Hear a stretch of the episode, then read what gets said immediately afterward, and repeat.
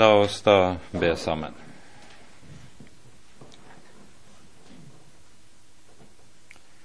Kjære gode Herre, Hellige Far. Så takker og lover vi deg fordi du er vår Gud, og vi skal få være dine barn for Jesus skyld. Takk, Hellige Gud, at du selv har bøyet deg til oss i din kjære Sønn, tatt deg av oss og gitt oss et evig håp. Takk, kjære Herre Jesus, at du selv står inne for vår frelse med ditt eget liv og med ditt eget blod. Nå kommer vi, Herre, frem for ditt ansikt og ber deg, kom du, send din Hellige Ånd, og vær hos oss når vi er samlet, og åpenbar, Herre, du dine ord, så vi kan få kjenne deg, og at vi må få lov til, hver og en av oss, ha det vi trenger til for å nå målet. Forbarm deg, Herre, over oss. Amen.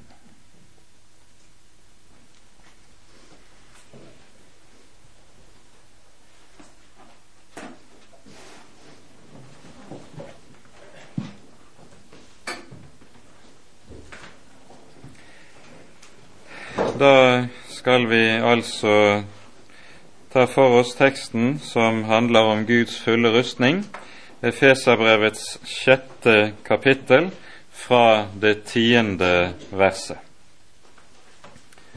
I Jesu navn.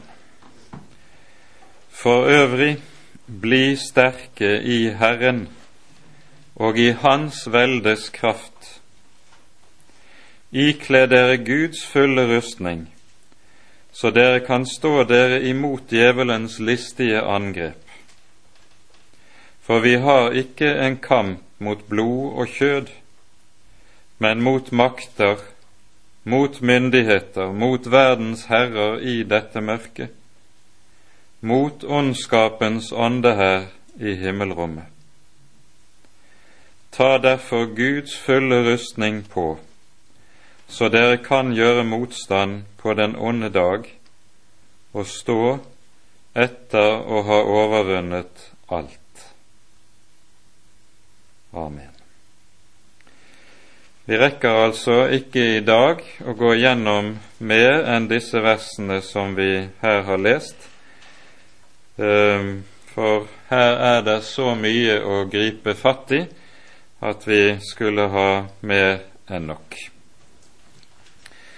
Det som nå er sammenhengen som teksten står i, det er at her er vi ved avslutningen av det formanende avsnitt i Efeserbrevet.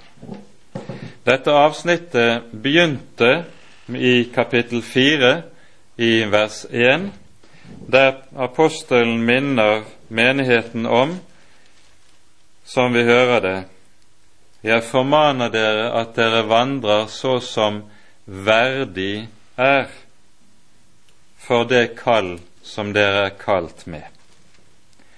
Og så hører vi i det som så følger, hva det vil si å vandre verdig for Herren.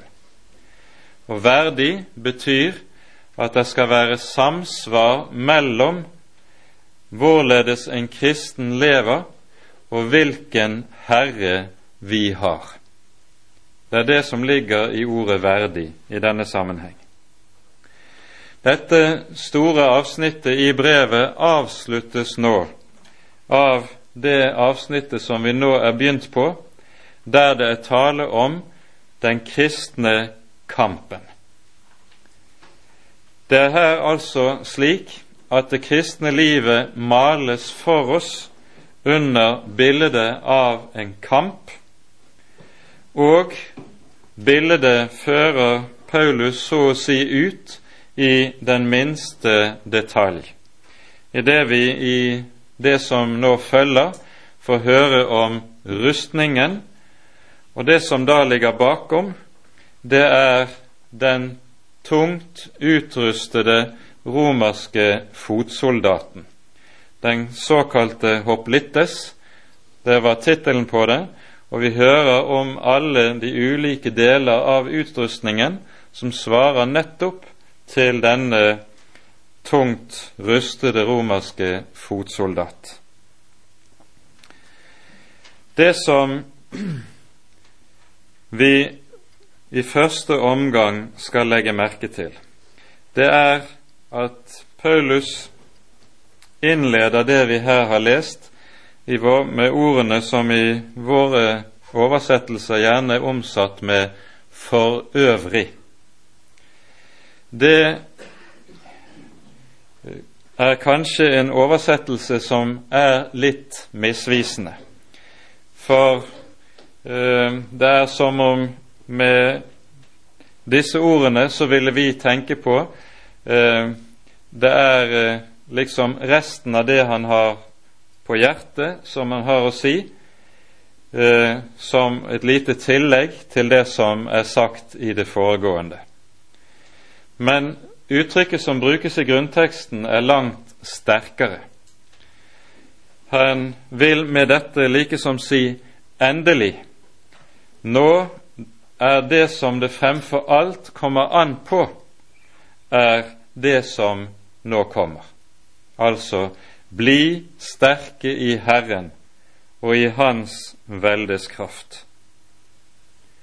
Det er altså som om han likesom nå samler alt i en sum og så vil sette en tykk strek under det hele og si Nå kommer det som alt står og faller med. På slagmarken er det nemlig spørsmål om liv og død. Og det er nettopp det det handler om i denne sammenheng også, og derfor innledes avsnittet sånn som vi her hører. Det det nå fremfor alt kommer an på, kunne vi kanskje omsatt det. Dersom vi skal kunne leve, dersom vi skal kunne berge livet i det som nå ligger foran. Og så kommer det uttrykk som lyder slik Bli sterke i Herren. Her brukes det en måte, talemåte i grunnteksten som ikke er så helt enkel å omsette. Men det er særlig to ting som understrekes ved måten dette uttrykkes på i grunnteksten. For det første brukes der en passiv form, som vi altså også finner i vår oversettelse. Det å bli sterke i Herren, det er ikke noe som en kristen kan bli av seg selv. Han finner ikke slik styrke i sitt eget hjerte, det er ikke her tale om noe en likesom kan ta seg sammen og samle sine krefter for å kunne bli. Her er det noe som gjøres av Herren, og der vi som Hans barn så å si er passive mottagere. Det annet som ligger i ordet eller verbet som her brukes, er at det er en presensform som anvendes.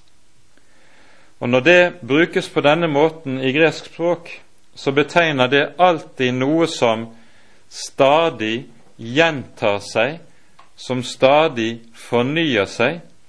Det er altså ikke tale om noe som foregår bare én gang som en engangshandling, og så har man det likesom. Nei, her er det tale om noe som en kristen lever i og stadig skal fornyes i. Her kunne vi kanskje minne om de ordene vi finner i den 84. salmen.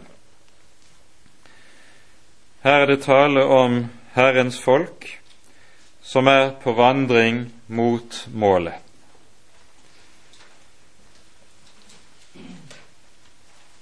Og så sies det slik fra vers 6 av.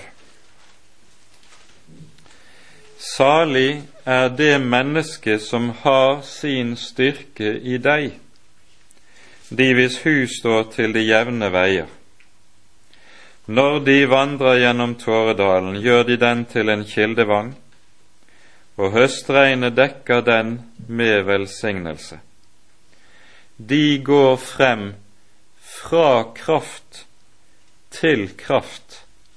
De trer frem for Gud på Sion.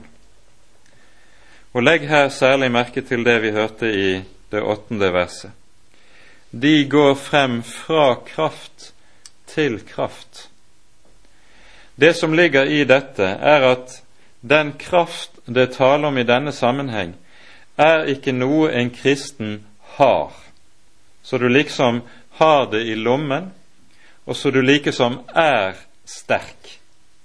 Nei, det er tvert om slik at dette er noe som er, ytrer seg på det vis at når du kommer i en situasjon der du særlig trenger Herrens omsorg og Herrens styrke, da får du det du trenger for situasjonen. Og Så vandrer du videre, og så kommer du i en ny situasjon hvor du på ny er hjelpeløs, trenger til Herrens omsorg og at Han ser til deg. Da er du på ny like fattig, like svak og like hjelpeløs i deg selv. Det du opplevde tidligere, gjør ikke at nå har du en styrke så du kan takle så å si den neste utfordringen med. Nei, på ny er du like avhengig av at Herren kommer, ser til deg, tar seg av deg og sørger for deg. De går frem fra kraft til kraft. Det er det som ligger i dette. Og På dette, denne måten beskriver Bibelen det som er det særegne ved det kristne liv som består i å stå i et avhengighetsforhold til Herren som varer fra stund til stund og fra dag til dag. En kristen blir aldri selvhjulpen. En kristen blir aldri slik at han er så sterk i seg selv at han mestrer alle ting. Tvert om, han er en som ofte føler seg liten og uendelig hjelpeløs. Og nettopp denne litenhet og hjelpeløshet er det som stadig på ny driver han inn til Herren for å søke ham, rope på ham og kalle på ham. Og dette er det som altså ligger i den presensform som ikke så godt kommer frem i våre oversettelser. Og så merker vi oss også det som sies bli sterke i Herren. Denne styrke som det her er tale om, er altså noe som en kristen ikke har i seg selv. Og det er helt avgjørende å være oppmerksom på. I våre dager tales det meget ofte om ikke minst Den hellige ånd på en slik måte, og Den hellige ånds gave på en slik måte at det liksom er noe som skal gjøre en kristen sterk. Han skal bli en seirende kristen, en kristen som får det til, en kristen som er en fremgangsrik kristen, og som lykkes på de ulike områder. Den slags tale er dypt fremmed for Det nye testamentets måte å tale om disse ting på. Det som i stedet er situasjonen her, det er sånn som Jesus innleder bergprekenen i Matteusevangeliets femte kapittel, når han sier Salige er de fattige i ånden, for himlenes rike er deres. Går vi videre på det vi hører i saligprisningene, så kan vi minne om det. Salige er de som sørger. Salige er de som hungrer og tørster. Salige er de som slutter Jesus med forfulgt for himlenes rikes skyld. Hvem er det Jesus kaller salig? Ikke de som føler seg salig. Han kaller de salig som alle rent menneskelig talt ville sagt stakkars de om dem. De er det Jesus kaller salig. For her er saken den at i Guds rike er det stikk motsatt av sånn som det er i menneskenes verden. Grunnloven for dette er gitt oss i 2. Korinterbrevs 12. kapittel. Vi rekker ikke å gå gjennom denne teksten i sin helhet, men vi skal ganske kort peke på det som sies ifra vers 9 og vers 10. Andre Korinterbrev, kapittel 12, fra vers 9 og 10. Herren sa til meg, Min nåde er deg nok, for min kraft fullendes i skrøpelighet.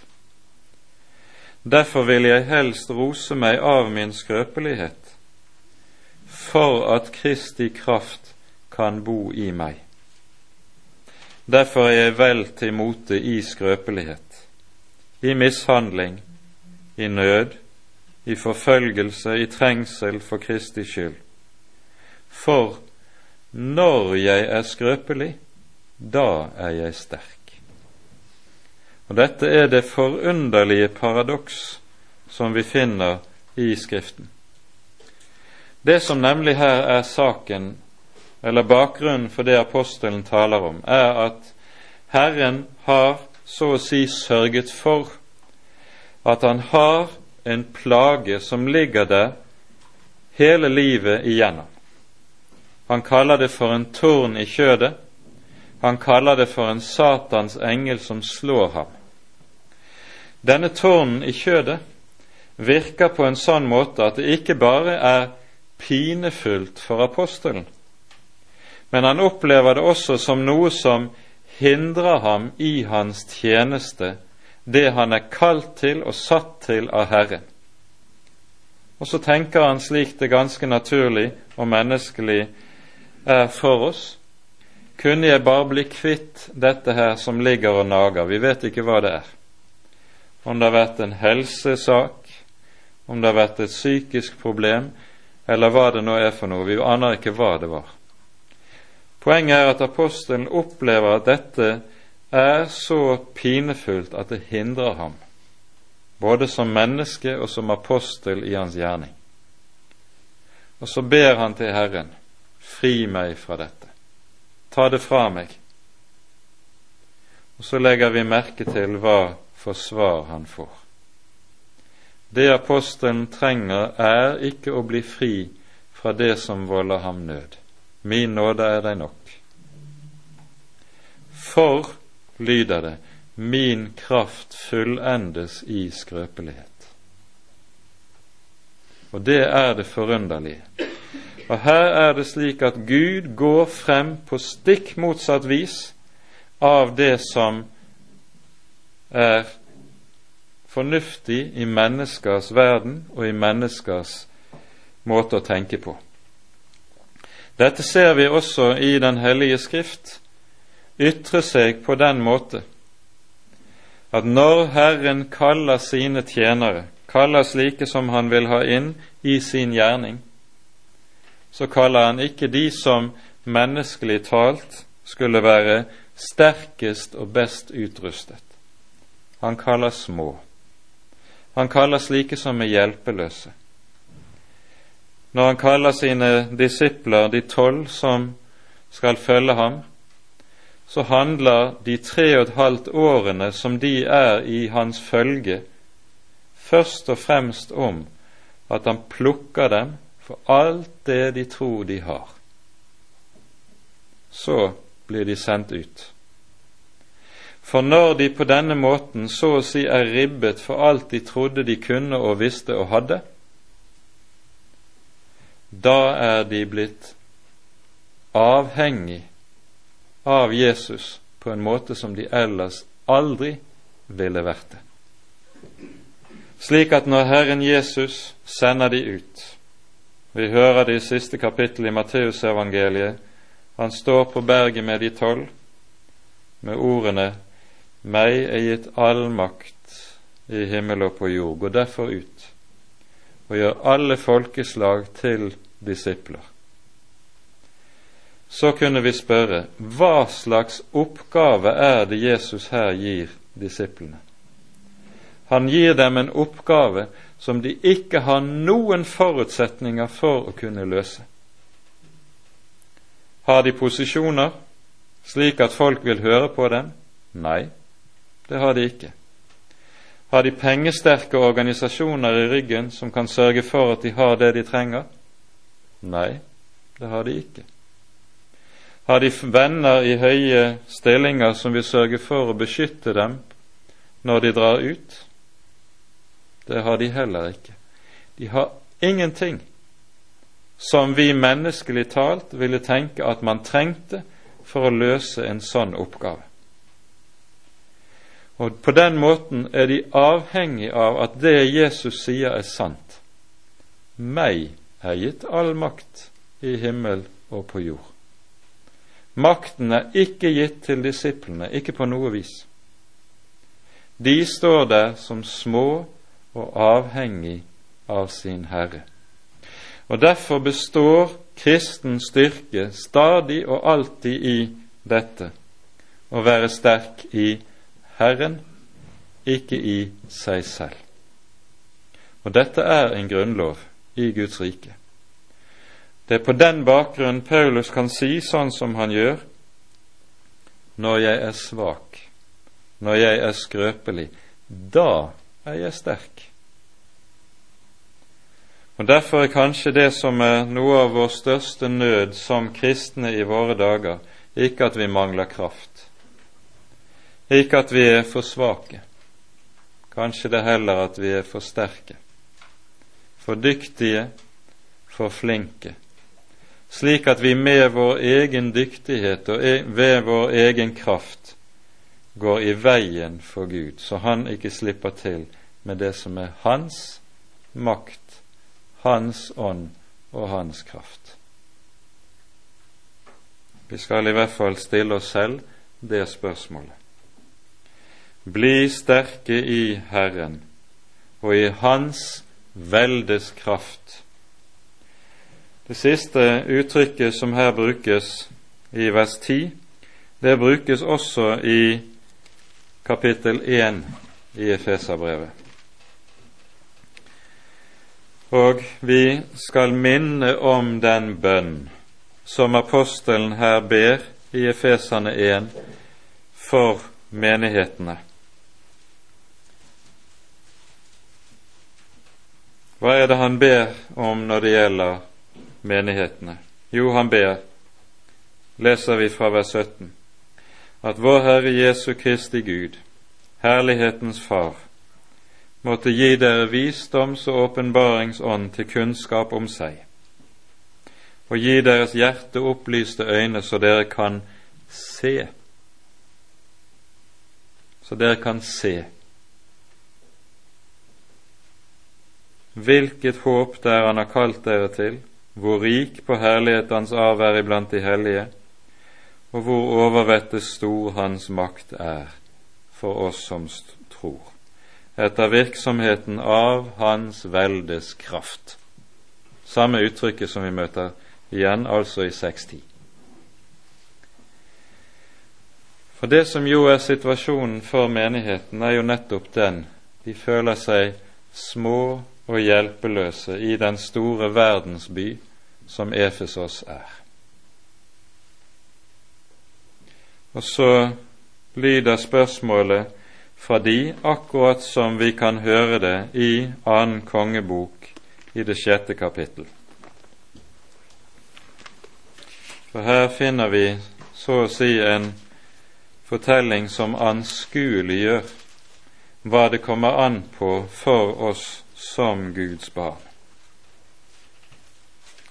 Den syriske kongen eh, har sendt sin hær av gårde for å gripe profeten Elisa. Og så omringes den lille landsbyen der Elisa seg, oppholder seg på natten. Og når Elisas medhjelper og tjener kommer ut om morgenen, så får han se den store hæravdelingen som ligger og omringer byen. Vi leser i annen kongebok 6, fra vers 15. Da den Guds manns tjener tidlig om morgenen gikk ut, fikk han se at en hær med hester og vogner omringet byen. Da sa han strengt til ham, Å, min Herre, hva skal vi gjøre? Han svarte, Vær ikke redd. De som er med oss, er flere enn de som er med dem. Og Elisa ba og sa, Herre, opplat hans øyne, så han kan se. Og Herren opplot drengens øyne, og han fikk se at fjellet var fullt av gloende hester og vogner rundt omkring. Profeten var omgitt av en usynlig hærskare som sørget for å beskytte ham mot enhver fare. Profetens tjener så det ikke, og derfor var han redd. Var Elisa mer utrygg fordi om de ingenting så? Han var like trygg, for de var der, trass i at de ikke kunne sees. Og det er det det taler om for oss som Guds barn. Det å lære å regne med det vi ikke ser Gud sørger nemlig for at det å være et Guds barn, det er å vandre i tro, ikke i beskuelse. Det er å være i leve i den overbevisning som er om ting som ikke kan sees. Det er troen. Og Derfor sørger Herren for at vi ikke får se styrken og kraften med våre ytre øyne, for ikke se og føle og oppleve det sånn.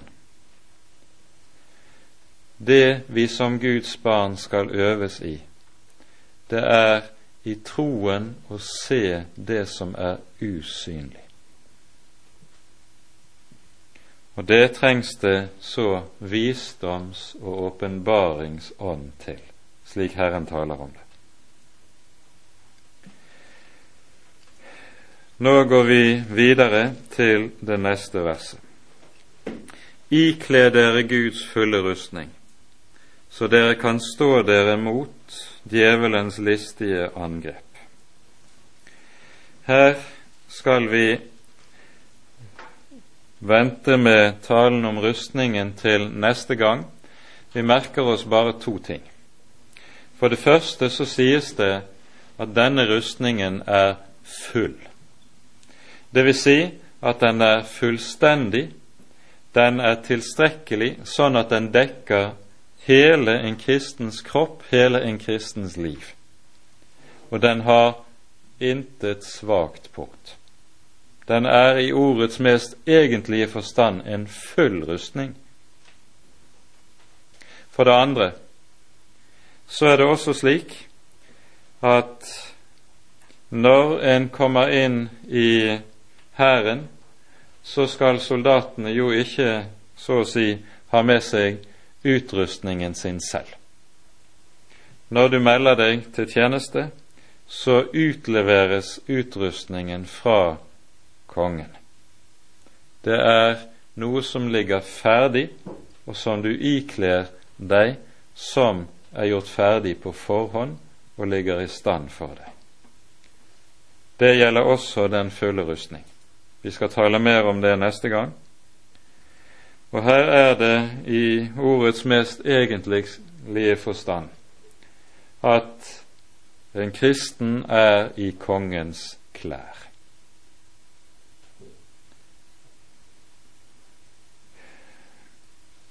Og så lyder det slik så dere kan stå dere mot djevelens listige angrep. For vi har ikke en kamp mot kjøtt og blod, men mot makter, mot myndigheter osv. Og, og dermed beskrives fienden for oss.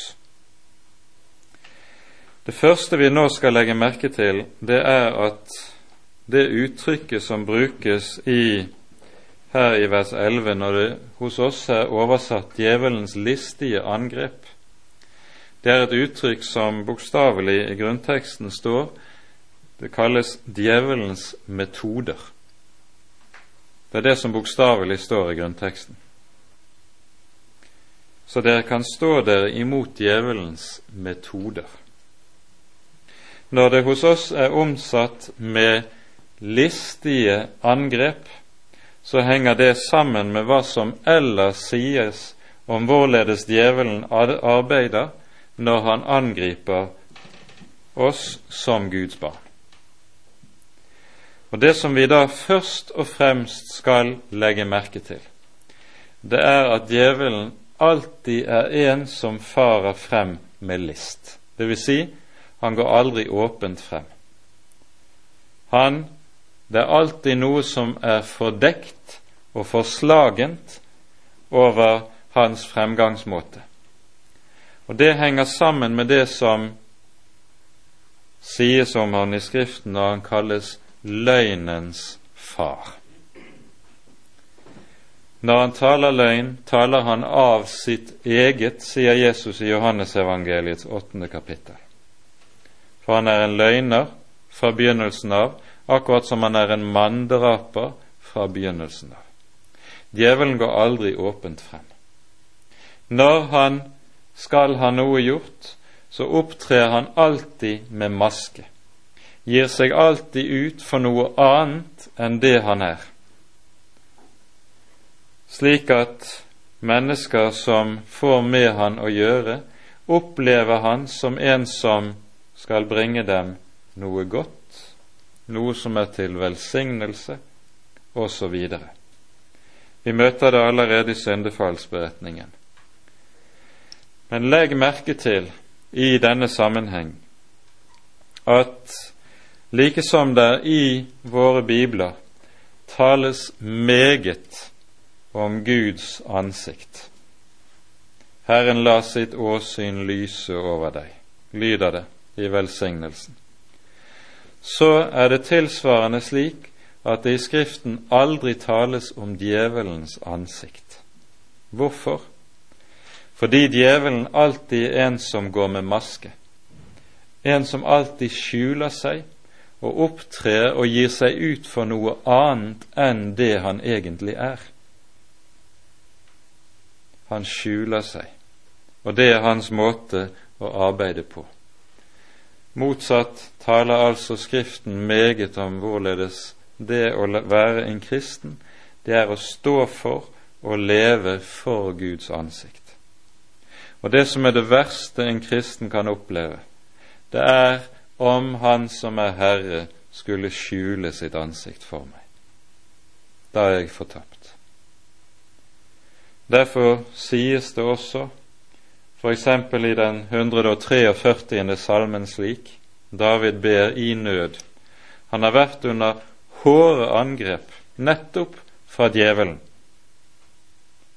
Og Så roper han til Herren og sier, Skjul ikke ditt ansikt for meg, så jeg blir lik den som farer ned i graven. For det å få lov til å stå for Guds ansikt, og slik også ha Guds ord. Det er betingelsen for å kunne bli i live, bli bevart. Når den onde nå males for våre øyne, så skal vi merke i første omgang de uttrykk som brukes for å beskrive.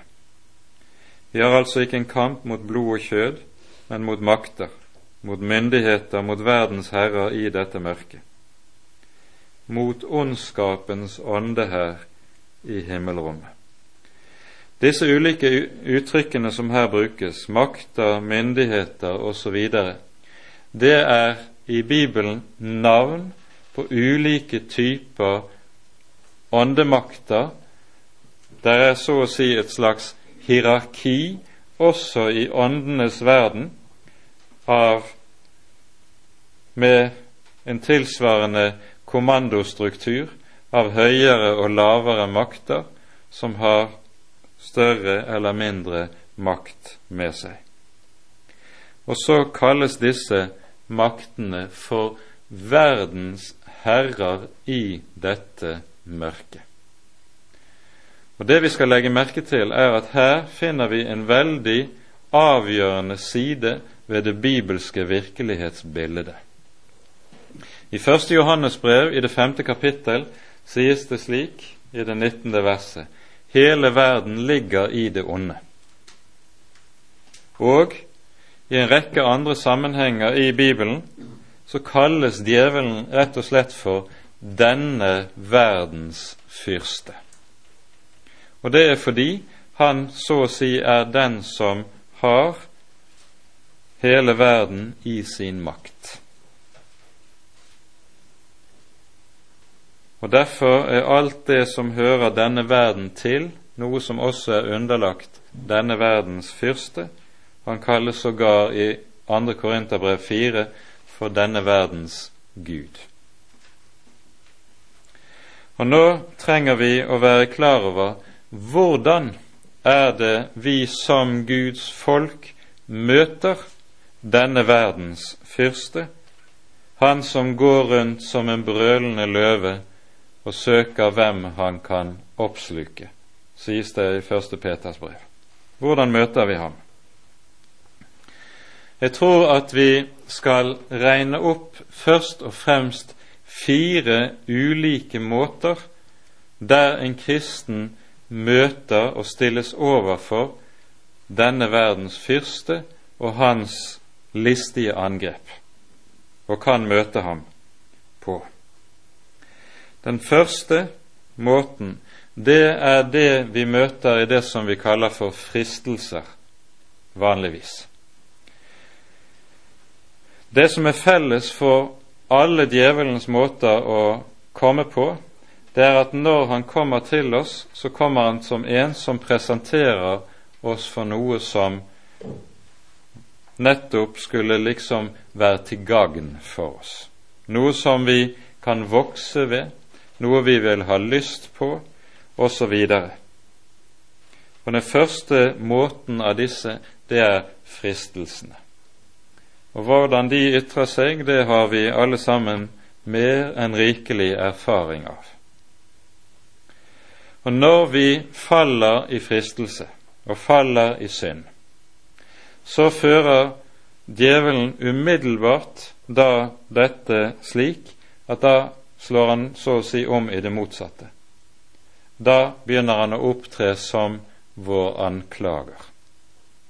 Og så vil han si, du som har gjort sånn som dette, du kan jo ikke være et Guds barn slik du er. Det er nå greit nok at du har falt to ganger og tre ganger i samme synd, men når det er blitt hundrede, og det er blitt tusen ganger i samme synd, tror du da at Herren fortsatt kan være nådig mot en sånn? Da kommer anklageren. Og det han da vil gjøre, det er at han vil ha oss til å fortvile ved å si Guds nåde tar slutt en gang. Før eller siden blir han trett av deg. Og så gjelder dermed ikke Jesu død og Jesu blod lenger. Det er en grense. På denne måten opptrer han som anklager og vil føre oss inn i fortvilelse ved å få oss til å tvile på om Herrens nåde virkelig dekker all synd, også synd som gjentas og gjentas så mange ganger i livet. Det er den første måten som vi møter djevelen på. Den andre måten som vi møter djevelen på, det er som forføreren i det som har med vranglære å gjøre. Når han opptrer på det området, så opptrer han gjerne slik som vi hører om det i andre Korinterbrev i det ellevte kapittelet, som en lysets engel. Vi hører om vranglærere som har reist rundt i menighetene. Paulus taler om dem, og vi leser fra vers 13 slik. Andre kor 11 fra vers 13. Disse er falske apostler, svikefulle arbeidere som skaper seg om til apostler for Kristus. Og det er intet under, for Satan selv skaper seg om til en lysets engel. Derfor er det ikke noe stort og om også hans tjenere skaper seg om til rettferdighetens tjenere, men deres ende skal være etter deres gjerninger. Når djevelen kommer som fristeren, er han som regel ikke så veldig vanskelig å avsløre.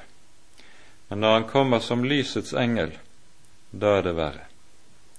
For da kommer han som en som vil være lærer i Guds ord, og som en som tilbyr oss erkjennelse ut fra Guds ord, og skal hjelpe oss til vekst og ny modning i troen og som kristne. det er fortsatt djevelen som er på ferde. Og ofte er det kanskje når djevelen opptrer som lysets engel, han vinner sine største seire. Og slik er det han opptrer der overalt hvor vranglære gjør seg gjeldende omkring i den kristne menighet. Det er den andre måten. Den tredje måten som vi her skal peke på, er det området som vi med en samlebetegnelse kaller for tidsånden. I tidsånden møter vi ganske særlig denne verdens fyrste. Det er ikke tilfeldig at han i vårt avsnitt her kalles det er tale om disse makter som er i himmelrommet. Du har noe lignende i kapittel to, hvor vi hører om at djevelen i vers to kalles for høvdingen over luftens makter. Det er så å si det som bestemmer atmosfæren menneskene imellom. Det er det vi gjerne kaller for tidsånden. Tidsånden kunne vi så spørre hva er nå egentlig det for noe? Og Det er kanskje et av de områder der det er aller viktigst for oss som kristne å vite både hva vi har med å gjøre, og hvordan vi skal forholde oss til det vi står overfor. Jeg har lyst til her i denne sammenheng å lese noen ord fra Olav Valen Senstad sin bok 'Guds allmakt og det sataniske'. Her skriver han i et avsnitt om tidsånden. Vi leser slik.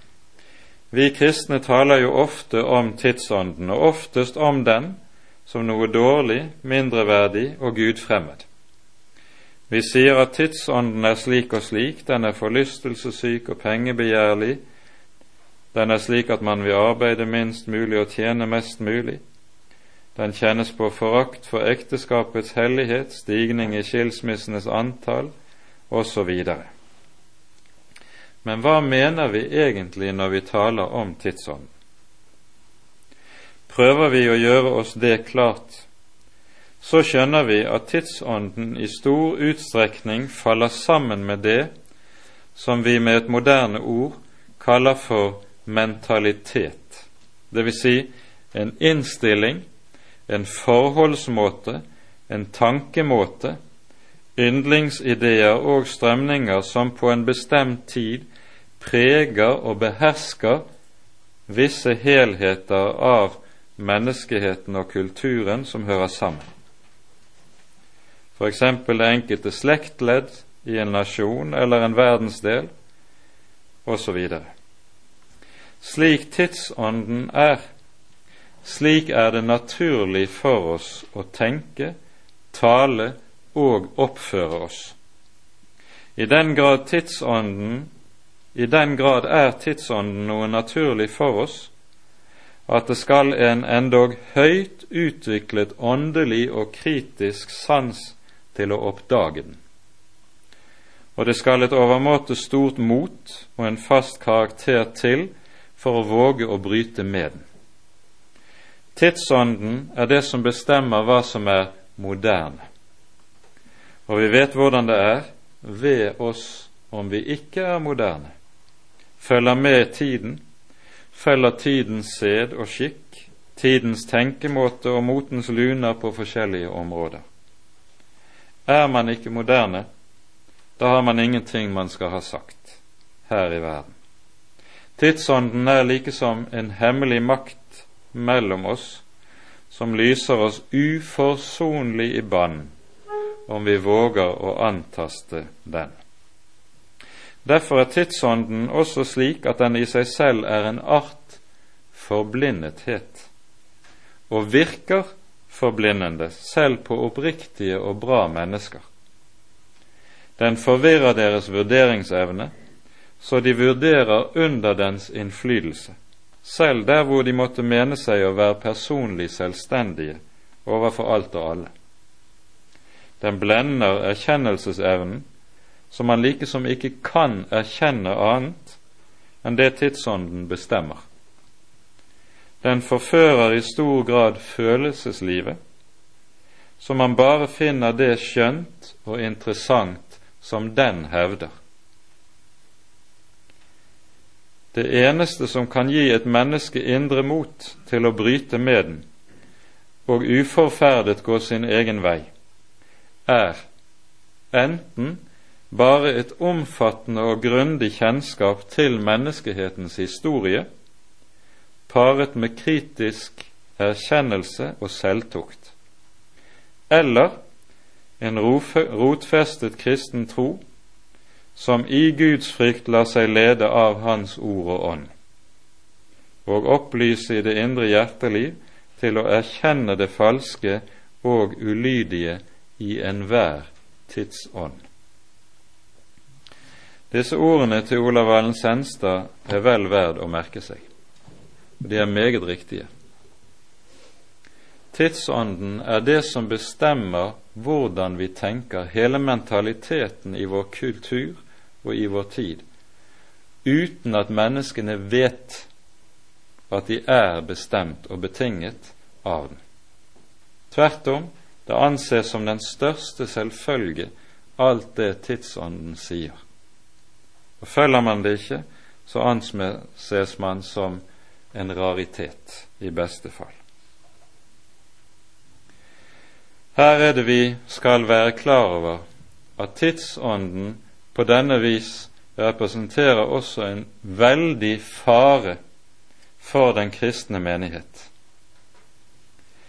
For her ser vi også, ikke minst i våre dager, at de, de deler av kristenheten som eksempelvis har klart å holde stand mot den onde når han opptrer som vranglærer og forfører på det vis, den del av kristenheten bøyer kne for ham når tidsånden kommer.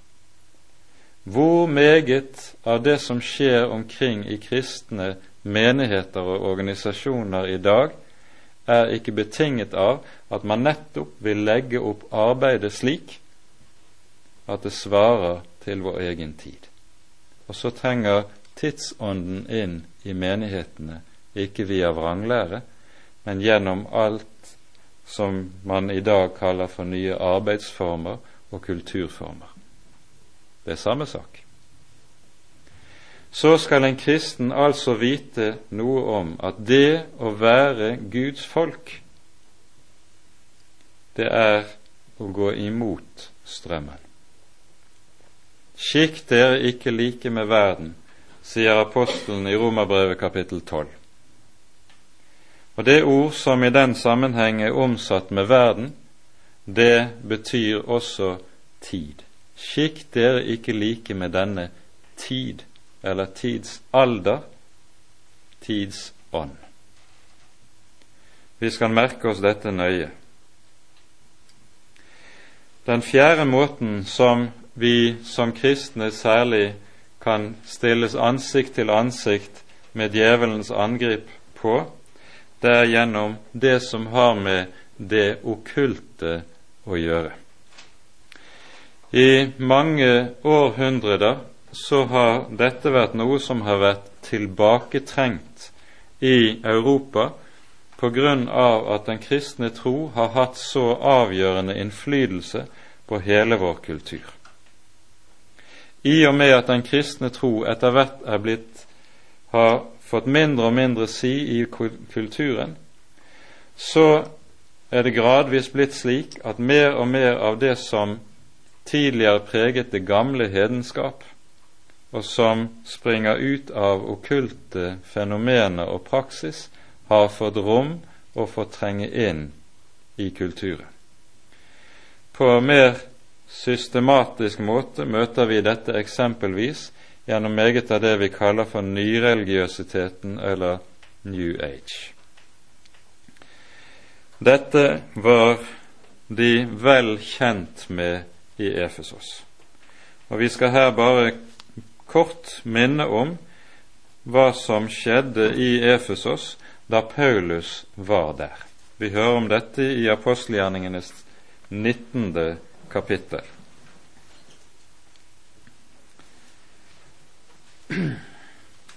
Her leser vi fra vers 14.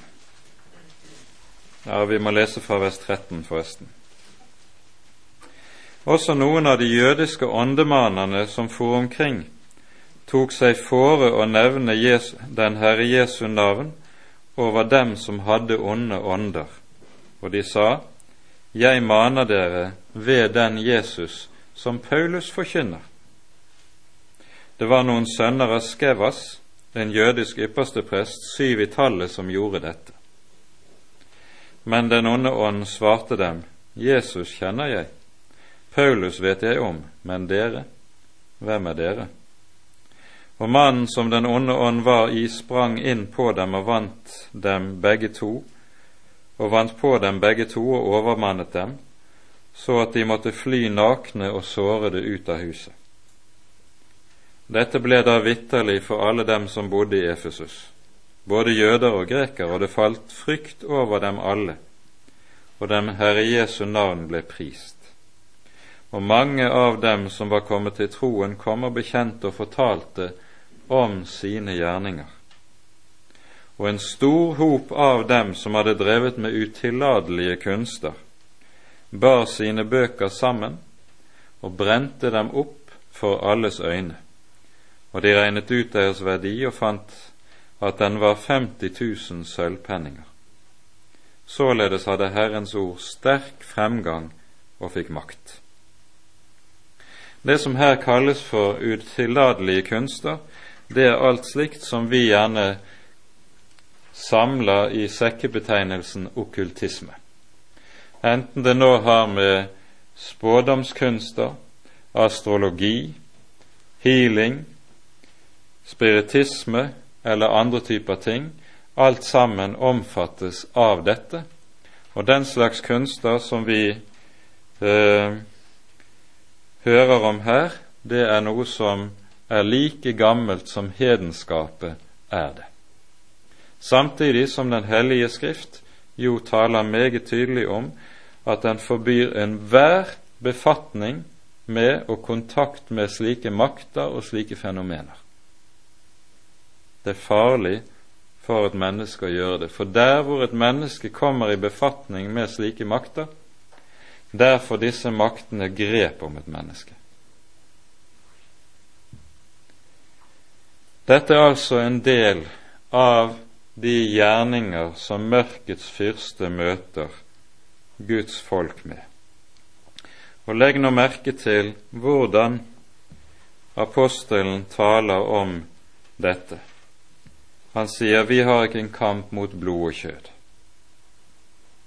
Men dette peker på at våre motstandere i dette som er åndskampen, det er aldri mennesker, men det er alltid djevelen og den onde. Men samtidig så møter vi den ondes makt igjennom mennesker. Og det skal vi også være klar over. Og da skal vi være klar over dette på en slik måte at vi aldri skal gjøre mennesker som er den åndes tjenere, til våre fiender. Nei, de skal vi forholde oss til slik Herren har sagt det meget tydelig og klart. Vi skal elske dem. For de er kun redskaper for en annen makt som er meget større, og som står bakom, og som de selv er fanger, for, fanger av. Vår motstander er altså ikke kjøtt og blod, men vi møter fienden igjennom kjøtt og blod. Og det er ofte noe av det som gjør det vanskelig for oss som kristne. Det både å være klar i møte med den ånde og med det ånde, samtidig som at det mennesket som er fanget av den ånde, skal møtes med kristen kjærlighet. Men det skal vi altså ha meget klart for oss, det som her sies. Det siste vi merker oss i denne sammenheng også, det er at disse motstandere som det her er tale om, det er makter som er uendelig meget sterkere enn det vi er. Her er det tale om en ulike kamp. Som Guds barn og som Guds folk, så er vi meget små og meget hjelpeløse i denne kamp. Og det er slik at Jesus i ordets mest bokstavelige forstand har rett når han sier til disiplene Jeg sender dere som får midt iblant ulver. I oss selv har vi ingenting å stille opp med. Derfor er vi, når det taler om disse ting, avhengig av Herren. Til slutt, før vi nå setter punktum, må vi peke på at den kamp som apostelen her maler for våre øyne, denne kampen er så å si det som er grunntemaet gjennom hele frelseshistorien, hele åpenbaringshistorien og dermed også gjennom hele verdenshistorien. Kampen sitt grunntema tegnes for oss allerede på fallets dag. Første Mosebok, kapittel tre, møter vi dette.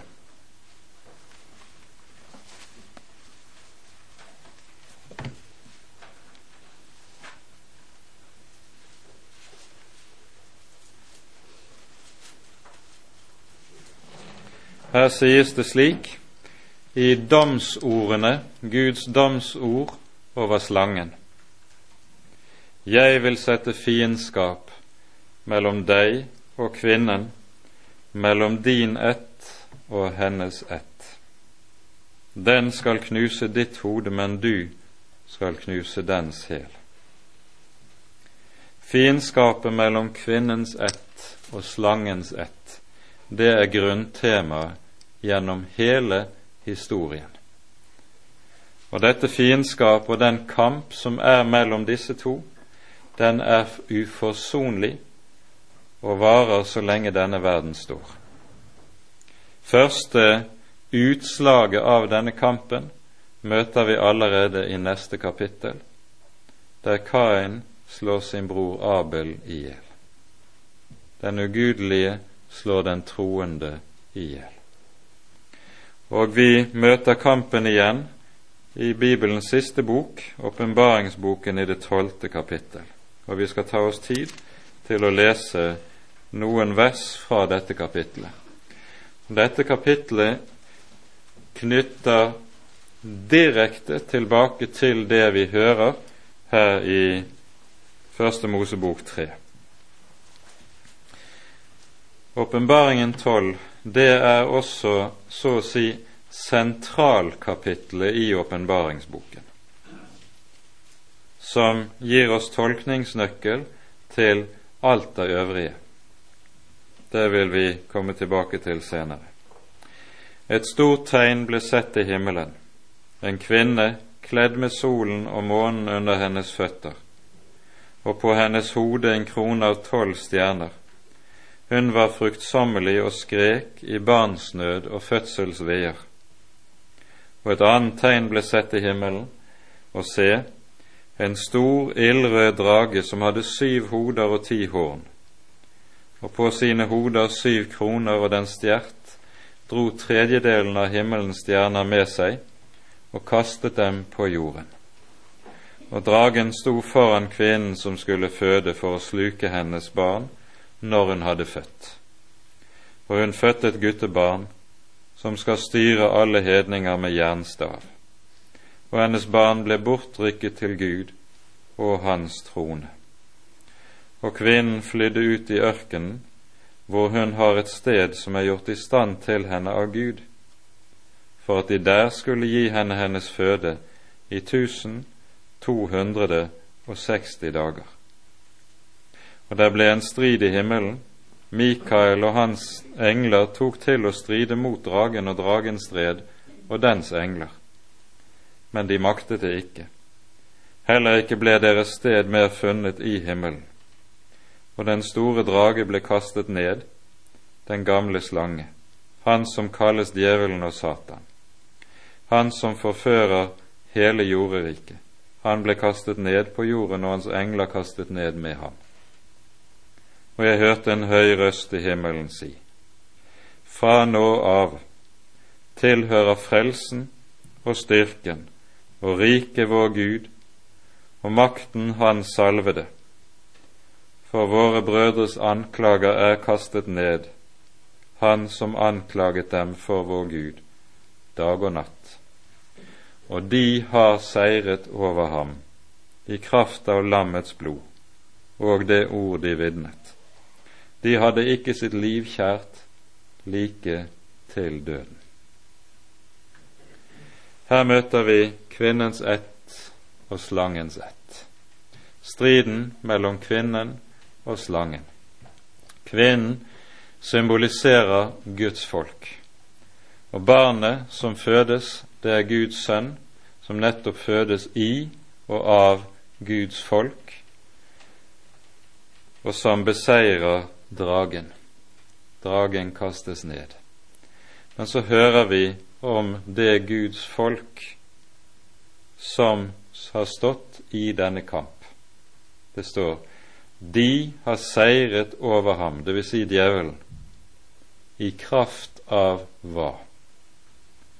lammets blod og det ord de vitnet. Der ligger seieren. Jesus sier i forbindelse med sin avskjedstale, som vi hører i Johannes 16, disse ordene Dette har jeg talt til dere mens dere er i verden. I verden har dere trengsel. Forferdes ikke.